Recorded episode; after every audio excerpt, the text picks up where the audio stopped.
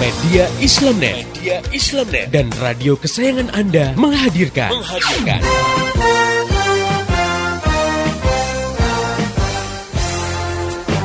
Voice of Islam, Voice of Islam, Voice of Islam. Di satu sisi diyakini bahwa perbuatan judi dan semua bentuk kemaksiatan itu diharamkan oleh Islam. Itu juga banyak yang sudah tahu. Namun di sisi lain, umat Islam sendiri tidak memiliki kemampuan untuk melarang kegiatan seperti itu. Karena sebenarnya kalau orang paham Islam, maka tidak akan dia punya pendapat wanita harus bekerja karena Islam tak pernah mewajibkan wanita untuk bekerja yang wajib bekerja itu laki-laki hmm, karena mereka iya. wajib menanggung nafkah keluarganya. Jadi sebenarnya hukumnya wanita bekerja itu mubah, hmm, boleh ya, jadi tidak dosa. Pemanfaatan tenaga nuklir apabila dipergunakan untuk kemaslahatan umat seperti penggunaan sektor non energi dan energi tersebut, maka hukum Islam memperbolehkan bahkan menganjurkan. Namun apabila digunakan untuk tenaga nuklir yang sifatnya menghancurkan kehidupan, dan menimbulkan kerusakan di muka bumi, misalnya seperti senjata nuklir, maka hal ini tersebut haram hukumnya. Allah Subhanahu wa taala mencela tindakan merusak dan orang-orang yang membuat kerusakan di muka bumi.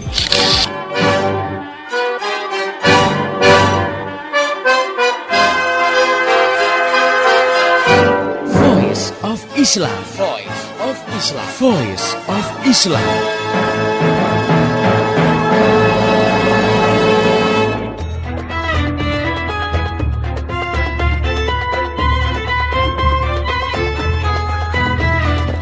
Halo Indonesia, Assalamualaikum warahmatullahi wabarakatuh. Pendengar yang budiman, senang sekali hari ini saya, Bunga Sansabila Bisa jumpa kembali dengan Anda dalam program Voice of Islam. Kerja bareng Media Islamnet dengan radio kesayangan Anda ini tentunya. Dan selama 30 menit ke depan, Voice of Islam akan menemani Anda dalam rubrik Female Chatting. Sebuah rubrik yang akan membahas permasalahan-permasalahan seputar kehidupan wanita baik tentang pemikiran dan hukum-hukum Islam yang berkaitan dengan wanita. Baik pendengar yang budiman, di studio telah hadir Ustazah Insinyur Nanik Ujayati yang akan mengasuh rubrik Female Chatting ini. Beliau adalah wakil pemimpin redaksi majalah Female Readers.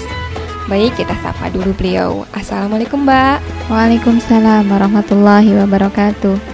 Bagaimana kabarnya hari ini Mbak? Alhamdulillah baik. Alhamdulillah Robbal Alamin Semoga kita juga dalam keadaan yang baik-baik saja.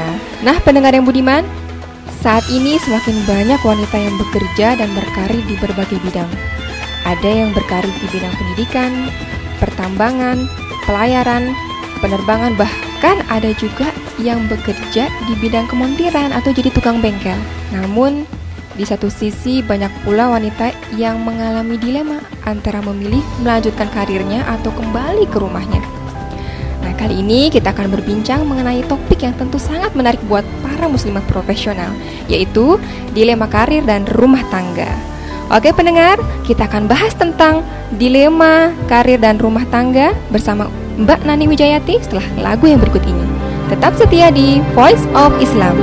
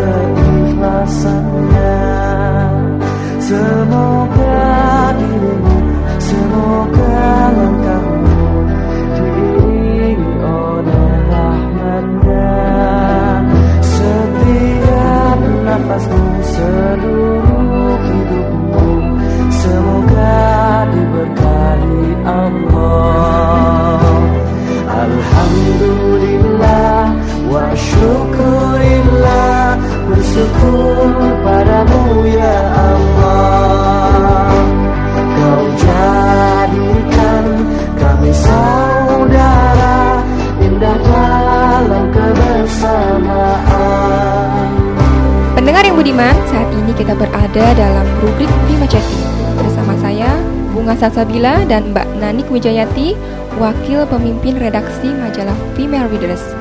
Baik, langsung saja kita bincang-bincang dengan Mbak Nani.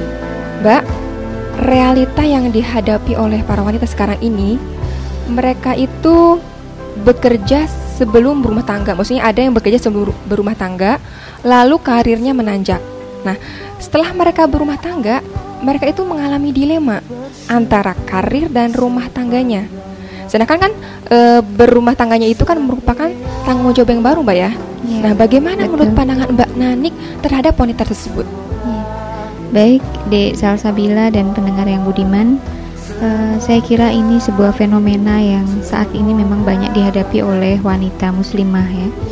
Uh, pendidikan yang saat ini semakin memberikan kesempatan kepada wanita untuk terjun akhirnya membuat jarang uh, para wanita termasuk muslimah yang dia menikah di usia 15-an misalnya gitu. Nggak ada di bawah 20 tahun itu tidak ada gitu. Rata-rata mereka yang punya kesempatan untuk mengenyam pendidikan tinggi menunggu selesai lulus dulu jadi sarjana dulu baru dia menikah. Itu pun kalau langsung. Kalau tidak biasanya ada tuntutan atau pesan dari orang tua untuk dia bekerja dulu sebelum menikah begitu ya. Akhirnya memang uh, kemudian wanita ini akan menghadapi satu persoalan baru ketika kemudian pekerjaan sudah di tangan kemudian dan mencari pekerjaan itu tentu saja sulit sekarang ini ya nggak bisa pilih-pilih. Begitu ada kesempatan kemudian kita bekerja sayang kita lepaskan gitu kan? Nah tapi setelah kemudian uh, beberapa waktu dia bekerja sebagai wanita dia tidak bisa melepaskan fitrahnya. Dia tetap harus berumah tangga. Orang tua pun pasti akan nuntut. Sudah sudah kuliah selesai sudah kerja oke. Okay, penghasilan cukup belum cukup bagi wanita itu. Belum dianggap lengkap belum dianggap sempurna ketika dia belum menikah gitu kan.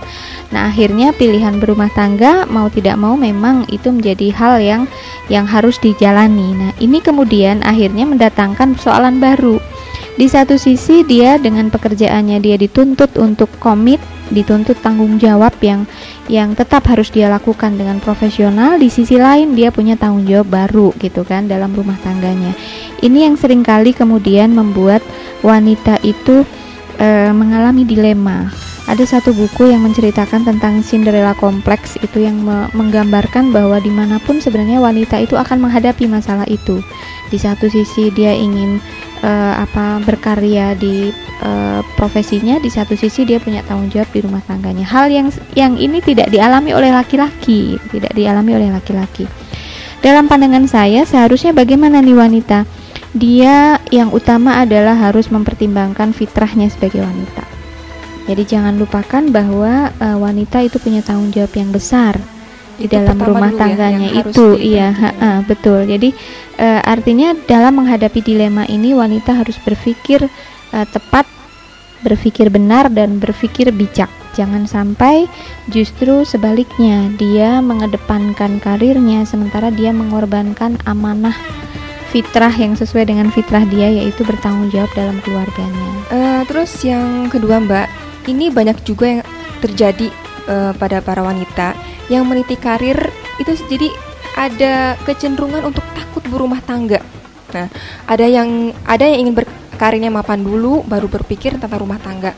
Padahal usianya sudah di atas kepala tiga. Nah, ini kan sekarang banyak ya eh, hmm. para wanita karir sekarang ini. Hmm. Nah, menurut Mbak nih, apakah ini adalah keputusan yang tepat yang diambil oleh para wanita tadi? Hmm.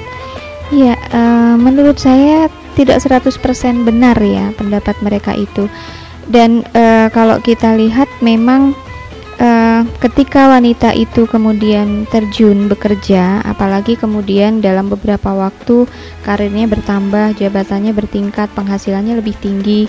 Dari sisi kemandirian ekonomi uh, wanita ini jelas mungkin berbeda dengan wanita yang dia mungkin tidak bekerja gitu ya. Nah mungkin uh, persoalan semacam dia takut menikah itu uh, salah satunya mungkin dipicu oleh faktor tadi. Ketika dia sudah merasakan bahwa dia bisa mencukupi hidupnya sendiri kalau menikah kelak suaminya bisa nggak nyukupin dia gitu. Kadang berpikir pertimbangan itu. Terus yang kedua apalagi kalau yang misalnya umurnya sudah uh, di atas kepala tiga jabatannya sudah manajer atau direktur di atas dengan siapa dia menikah pasti dia bertimbang gitu. Iya, betul. apakah suaminya ini nanti layak menjadi imam bagi dia. Sementara dia orang yang punya jabatan tinggi. Nah semakin lama wanita semakin memiliki ketakutan untuk menikah karena takut pasangannya nanti tidak satu apa ya satu misi kemudian tidak tidak bagi dia mungkin uh, nggak nggak bisa ditaati karena mungkin apakah penghasilannya itu lebih rendah atau kemungkinan jabatannya lebih rendah gimana di mata umum kalau istri lebih tinggi penghasilan dan karirnya. Nah itu yang membuat dia punya kekhawatiran atau ketakutan. Lain dengan wanita yang mungkin sama-sama baru lulus lulus uh, kuliah, kuliah gitu ya. Nah dia kan nggak seandainya ada laki-laki yang sama-sama uh, lulus kuliah datang kepada dia dia nggak bertimbang siapa dia lebih tinggi atau enggak gitu. Dia lebih berpikir bahwa berumah tangga itu sama-sama dari awal gitu ya dari nol. Kemudian yang penting satu sama lain itu bisa saling bertanggung jawab gitu. Nah sisi tanggung jawab sisi mungkin akhlak ya sisi eh, apa namanya kejujuran itu yang jadi pertimbangan. Tapi ketika wanita itu berkarir kemudian dia punya pertimbangan lain seperti ketakutan tadi. Ini sekali lagi tidak tidak benar yang seperti ini. Jadi eh, sekali lagi harus ada pertimbangan terhadap wanita ini untuk uh, memang bekerja itu mungkin penting ya apalagi kalau dia dibutuhkan dalam keluarganya. Tetapi dia tetap harus berpikir bahwa berumah tangga itu jauh lebih penting untuk dia. Karena wanita itu mengemban amanah untuk dia uh, apa dari rahimnya itu lahir benih-benih generasi ya nggak cuman anaknya dia sebenarnya generasi yang diharapkan oleh Rasulullah SAW itu menjadi generasi Muslim. Bagaimana nasib anak-anak ini kalau dia usia udah kepala tiga, kepala empat, apalagi baru menikah? Sementara misalnya dalam pandangan kesehatan juga usia produktif itu antara 21 sampai 35 tahun. Kalau dia baru nikah 36 tahun kan sebenarnya sudah lewat masa produktif. Nah, kalau dalam pandangan Islam itu sendiri bagaimana nih sebenarnya hukum berkarir bagi wanita? Iya, itu.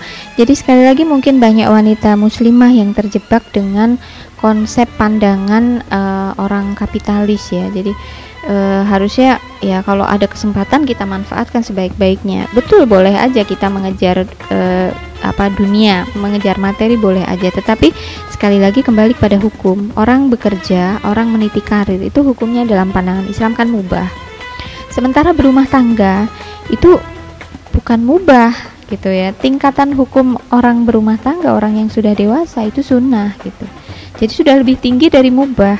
Nah seharusnya ketika uh, wanita punya punya pandangan atau punya pola pikir bahwa karir itu harus dikejar selama kesempatan masih ada.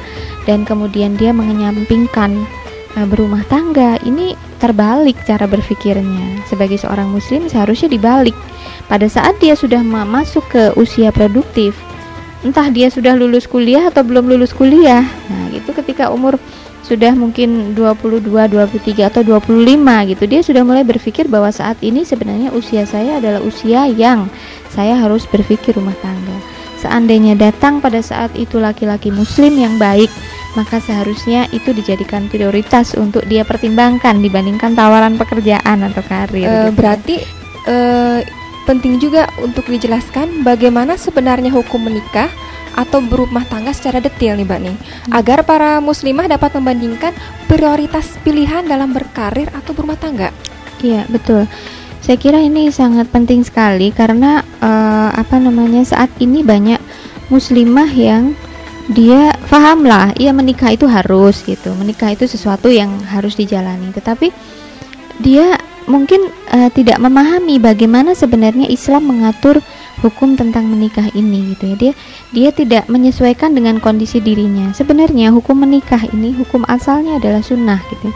Sunnah bagi muslimah yang dia sudah um, mampu dalam arti umur sudah cukup ya. Kondisi psikologis memungkinkan gitu. Nah dia hukumnya sunnah. Sunnah ini artinya kalau dia kerjakan dia akan dapatkan pahala. gitu. Dibandingkan kalau tidak diambil pilihan untuk dikerjakan gitu Kemudian uh, hukum asal ini bisa berubah, bisa berubah menjadi wajib dan bisa juga berubah menjadi haram. Itu termasuk gitu. wanita. Saya kira buat laki-laki aja, Mbak. Enggak, sama karena laki-laki dengan wanita itu punya uh, satu potensi yang sama, naluri, ya, sexual instinct. Dia punya uh, apa namanya naluri kalau dalam bahasa istilah agama itu garizatul uh, gorizatun nau gitu ya gorizatun nau bahwa uh, ketika kemudian uh, rasa ingin uh, memiliki pasangan rasa ingin memiliki itu tadi anak yang gorizatun itu rasa yang rasa memiliki betul pasangan. iya betul jadi uh, eksistensi untuk uh, dia punya uh, keluarga gitu ya punya keluarga nah ketika uh, salah satu gejalanya adalah dia tertarik kepada laki-laki gitu ya. Ketika kemudian itu muncul dan tidak bisa dibendung lagi, ada seorang laki-laki yang dia suka, kemudian yang laki-lakinya juga sudah suka. Uh, hanya tinggal satu nikah gitu ya. Karena masing-masing sudah saling tertarik masing-masing sudah tidak bisa membendung naluri seksualnya hasrat seksualnya. Maka dalam kondisi seperti ini hukumnya menjadi wajib, dia untuk nikah gitu. Wajib itu berarti kalau nggak dilakukan dosa dia. Nah betul. Seringkali nggak disadari kan dalam pergaulan misalnya di perkantoran orang-orang yang mungkin masih sama-sama single gitu ya. Ada uh, karyawan laki-laki ada karyawan perempuan yang dia saling tertarik satu sama lain dari sisi gaji mungkin mereka sudah mapan misalnya gitu. Tetapi kenapa tidak diambil solusi nikah misalnya? Mereka malah memilih hubungan yang ya sudahlah kalau misalnya memang belum memungkinkan nih karirmu belum boleh nih kita nikah misalnya. Ambil pilihannya justru ya udah kita TTM aja lah teman tapi mesra misalnya kayak gitu ya. Atau bikin affair selingkuh bahkan mungkin yang lebih jauh dari itu. Nauzubillah min zalik zina misalnya. Itu dianggap sebagai sebuah pergaulan yang uh, solusi bagi mereka. Nah pada saat itu justru dia melakukan dosa gitu kan? Karena tidak paham seharusnya dia ya sudah resiko apa pun apakah itu harus harus berpindah karirnya apakah itu kalau memang sudah wajib katakan lakukan itu gitu. Nikah dulu kan gitu karena itu sudah wajib.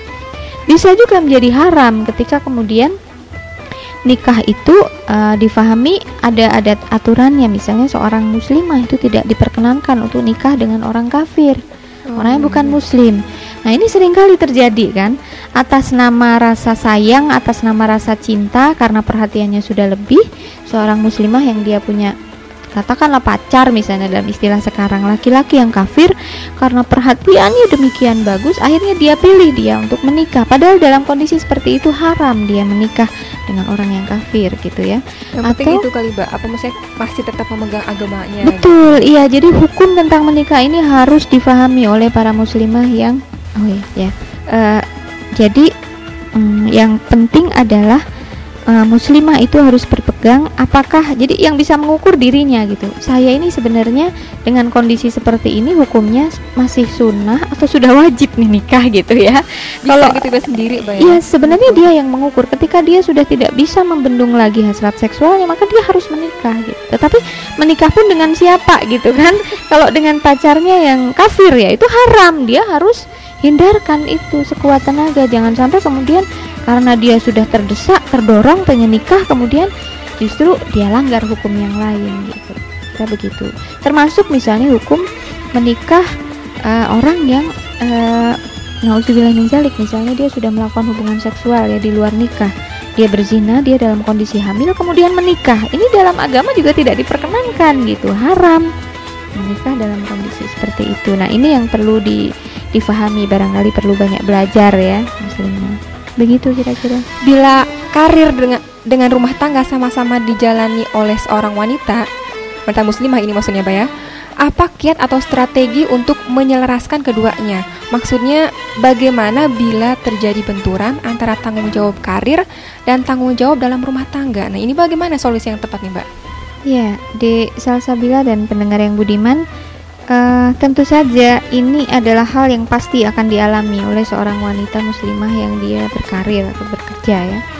Karena uh, di satu sisi di dalam rumah tangga itu tanggung jawab untuk uh, menjadi seorang istri, menjadi seorang ibu ya. Jadi uh, mendidik anaknya, kemudian mengatur uh, rumah tangganya itu adalah uh, apa membutuhkan waktu yang tidak sedikit bahkan mungkin bisa dijadi, dikatakan lebih banyak waktu yang dibutuhkan untuk itu dibandingkan untuk mengerjakan pekerjaan di kantor gitu. Hmm. Artinya ketika kemudian wanita ini memilih tetap bekerja pada saat dia berumah tangga, tentu uh, dia harus uh, mem memberikan satu skala prioritas Uh, tentu saja prioritas yang benar adalah prioritas yang didasarkan kepada hukum-hukum Allah gitu ya. Karena bahwa lumayan banyak juga bayar 8 jam ya.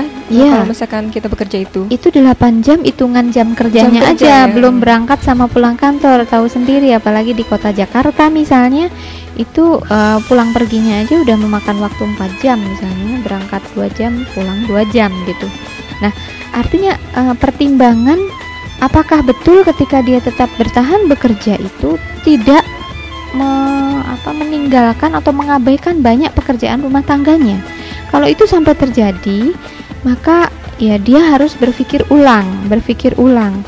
Apakah dia eh, justru melakukan sesuatu yang membuat dia meraih pahala yang besar atau meraih dosa yang besar gitu. Masalahnya tanggung jawab dia sebagai umun warobatul bait sebagai ibu dan pengatur rumah tangga itu wajib. Jadi Allah akan menanyakan tanggung jawab dia sebagai istri, sebagai ibu ini, sebagai pengelola rumah tangga nanti gitu. Tapi di satu sisi dia juga dimintain tanggung jawab pekerjaannya gitu. Nah, dalam kondisi seperti ini maka prioritas atau aulawiyat itu harus diambil. Seandainya pekerjaannya memang tidak sampai menelantarkan pekerjaan rumah tangganya, maka yang harus dilakukan adalah menyelaraskan. Bagaimana dia memanage waktu supaya uh, rumah tangga beres gitu ya, pekerjaan juga beres. Nah, ada juga nih di masyarakat realita karir istri lebih baik nih daripada karir suami. Bahkan juga penghasilan istri menjadi tumpuan hidup keluarga gitu. Mungkin ya eh, istrinya jadi direktur, suami jadi hansip misalkan mungkin ya. Tragis sekali. Terus ini mengorbankan karir istri tentu menjadi sayang dan berat. Bagaimana nih muslimah seharusnya menghadapi persoalan ini? Eh, sebesar apa pun penghasilan seorang istri, eh, harus kembali difahami bahwa harta istri itu adalah hak dia. Jadi hak-hak istri itu sendiri untuk mempergunakan. Jadi bukan kemudian eh, penghasilan istri itu menjadi eh, apa namanya posisinya menjadi berubah menjadi nafkah bagi keluarga, tidak gitu ya. Tidak, Tapi memang tetap awal kan seperti itu ya untuk menafkahi juga. gitu. eh, dia tidak diwajibkan untuk menafkahi keluarga kan wanita ini. Jadi hasil dari dia bekerja itu murni adalah hak dia. Mau digunakan untuk eh, menafkahi keluarganya, membantu misalnya suaminya memberikan nafkah boleh. Mau dia pergunakan sendiri boleh. Mau dia kasih ke orang tuanya, ke saudaranya, ke temannya, dia bagi-bagi boleh gitu Pokoknya hak dia. dia. Suami tidak boleh menuntut sedikit pun harta istri ini gitu. Ini yang harus dipahami. Nah, kadang kan eh, dalam model yang sekarang ini ya tadi banyak yang tidak memahami ya udah nafkah itu memang ditanggung berdua gitu ya seolah-olah begitu. Nah, padahal ini salah, gitu salah. Jadi kemudian eh, bagaimana si wanita ini kalau sampai dia jadi tulang punggung bagi nafkah keluarga gitu ya? Apakah tetap harus harus eh, bertahan atau dia lepas itu karirnya? Itu tergantung kembali, tergantung kepada tadi apakah karirnya itu menyita semua waktunya sehingga dia mengabaikan keluarga atau tidak gitu. Tapi kalau memang itu sudah bo- bolehlah dia penghasilannya 50 juta sebulan gitu ya. Tapi dia sebulan itu hanya tiga hari ketemu keluarganya, ketemu anak sama suaminya. Apakah itu harus dipertahankan? Menurut saya itu bukan model yang harus dipilih oleh keluarga Muslim gitu. Ya, Eh, tetap ada pilihan-pilihan lain, apalagi dengan keahlian dan profesi dia yang sudah dihargai dengan 50 juta sebulan. Masa sih nggak ada kerjaan lain untuk dia? Kayaknya mustahil deh gitu ya. Jadi dia masih bisa melakukan pilihan-pilihan lain. Dia punya bergen, punya tawaran yang lebih gitu. Jangan hanya mati-matian me- apa me- memperjuangkan penghasilan sampai kemudian mengorbankan keluarga. Saya kira mungkin begitu ya. Jadi tetap suami itu sekalipun penghasilan istrinya setinggi apa pun, dia tetap harus berusaha untuk mencukupi nafkah bagi keluarganya. Kata-kata cukup nih berarti cukup bisa dia bisa makan ya. Istri sama anaknya bisa makan. Bukan cukupnya itu cukup dengan eh, dengan tiap hari ke restoran cukup untuk nah, seperti itu. Itu nanti bukan cukup lagi gitu ya. Jadi tetap eh, seperti itu. Nah ini nih kalau yang pertanyaan ini hampir mirip nih kejadian sama seperti saya mbak nih. Eh, kalau ada wanita muslimah yang sukses nih dalam karirnya nih, tapi masih tetap jomblo kayak saya ini nih, apa nih sebaiknya harus saya lakukan nih mbak nih? ya baik persoalan jodoh itu memang satu sisi adalah eh, kuasa Allah ya kode Allah artinya uh, kapan jodoh itu datang kepada kita itu Allah yang mengatur gitu ya. Nah, mungkin bisa jadi sebelum dulu berkarir pernah juga ada yang sudah mau gitu kan, tetapi karena mikir antar dulu gitu kan. Iya. Akhirnya kemudian nanti dulu deh saya mungkin belum niat nikah gitu ya. Ya sudah Allah pun berikan kesempatan gitu ya. tapi kemudian setelah uh, berjalan be bekerja lama-lama gak datang-datang lagi gitu ya nyesel juga dulu gak diterima misalnya gitu mungkin banyak nih yang yang mengalami hal seperti itu gitu apakah kemudian ini menjadi apa derita seumur hidup gitu buat wanita ini ya? Muslimah saya kira janganlah gitu ya. Jadi kalau dalam Al-Quran pun kita bisa lihat uh, bahwa siapa pun wanita itu di mana pun kapan pun dengan profesi apa pun dia mampu menjadi seorang wanita solihah. Sebenarnya yang kita kejar itu kan wanita solihahnya gitu wanita ya solihah, iya. wanita solihah. Nggak cuman uh, wanita yang kesempatan dia jadi istri dia jadi istri solihah. Ada yang dia berumah tangga tapi dia nggak bisa jadi istri solihah kan? Betul, ya, betul, nah, betul. saat ini berarti fokusnya adalah apa yang harus dilakukan oleh seorang wanita profesional yang karirnya sudah mapan tapi dia belum berjodoh dia masih jomblo gitu. Ya tetap yang prioritas bagi dia hidup dia adalah diabdikan untuk Allah. Karena Allah katakan wa ma khalaqtul jinna wal insa illa liya'budun. Tidak aku ciptakan manusia dan jin kecuali hanya beribadah kepadaku. Nah artinya hakikat hidup seorang wanita ini apakah dia masih jomblo atau dia seorang istri atau dia seorang ibu itu hakikatnya adalah untuk beribadah kepada Allah. Maka manfaatkanlah kesempatan kesendirian dia itu gitu ya. 100% untuk mengabdi kepada Allah gitu. Untuk uh, menetapi uh, kewajiban-kewajiban yang dibebankan oleh Allah kepada dia. Ini pertanyaan terakhir Mbak ya dari saya. Uh, apa saja rambu-rambu yang harus diperhatikan oleh para muslimah yang berkarir?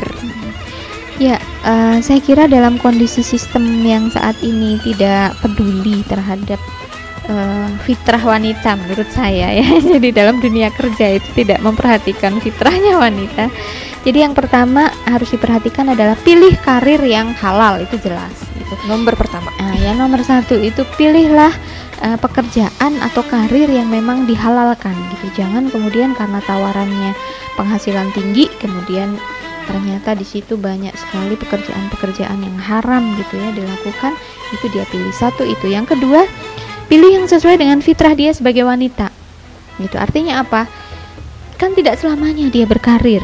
Kalau bisa, dia bekerja sesuatu yang ketika kemudian dia berumah tangga itu masih bisa dia lanjutkan tanpa harus mengorbankan rumah tangga atau karirnya gitu. Dua-duanya tetap jalan. Seperti apa tuh, Mbak? Nah, ini kalau kita perhatikan sekarang ini sebenarnya kan dunia yang lebih lebih uh, sangat memahami perempuan itu misalnya pendidikan ya, dunia pendidikan, dunia kesehatan itu karena yang kita layani juga perempuan juga gitu kan? Itu dibutuhkan oleh umat.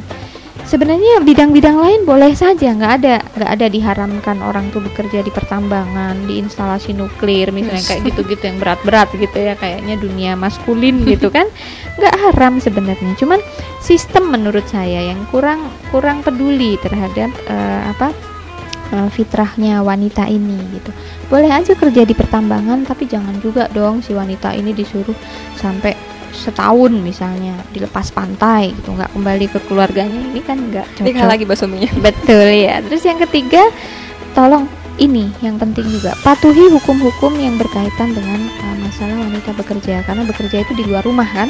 Hmm. bagaimana seorang wanita muslimah keluar rumah itu harus mematuhi hubungan apa hukum-hukum yang ditetapkan oleh Islam? Apakah itu masalah pakaian pergaulan gitu ya uh, kemudian masalah uh, perjalanan safar itu mungkin perlu dikaji lagi dalam buku-buku fikih saya kira kalau dijelaskan nanti akan panjang itu silahkan dibaca di buku fikih ya Oke pendengar yang budiman, itu tadi bincang-bincang kita dengan Mbak Nanik Wijayati dengan uh, tema dilema karir dan rumah tangga. Oke buat para pendengar, kami juga menampung usulan-usulan Anda dalam pembahasan persoalan-persoalan wanita lainnya.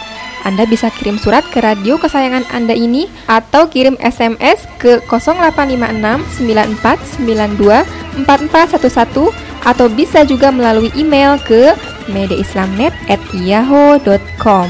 Saya Bunga Salsabila dan seluruh kerabat kerja yang bertugas mengucapkan terima kasih kepada Mbak Nanik Wijayati atas penjelasannya. Terima kasih juga buat pendengar yang telah setia mengikuti acara ini. Pesan saya, Sampaikan apa yang Anda peroleh dari acara ini kepada yang lain agar rahmat Islam ini bisa segera tersebar luas, termasuk di kota Anda yang tercinta ini. Dan esok hari, insya Allah, Voice of Islam akan kembali hadir di waktu dan gelombang yang sama. Mari menimbang masalah dengan syariah. Assalamualaikum warahmatullahi wabarakatuh. Demikian tadi Voice of Islam. Voice of Islam. Semoga hikmah yang terkandung bermanfaat untuk kita semua. Amin, amin, amin. Ya Robbal Alamin. Kembali bisa Anda dengarkan Voice of Islam. Voice of Islam menghadirkan topik-topik seputar kehidupan kita esok hari di waktu dan gelombang yang sama.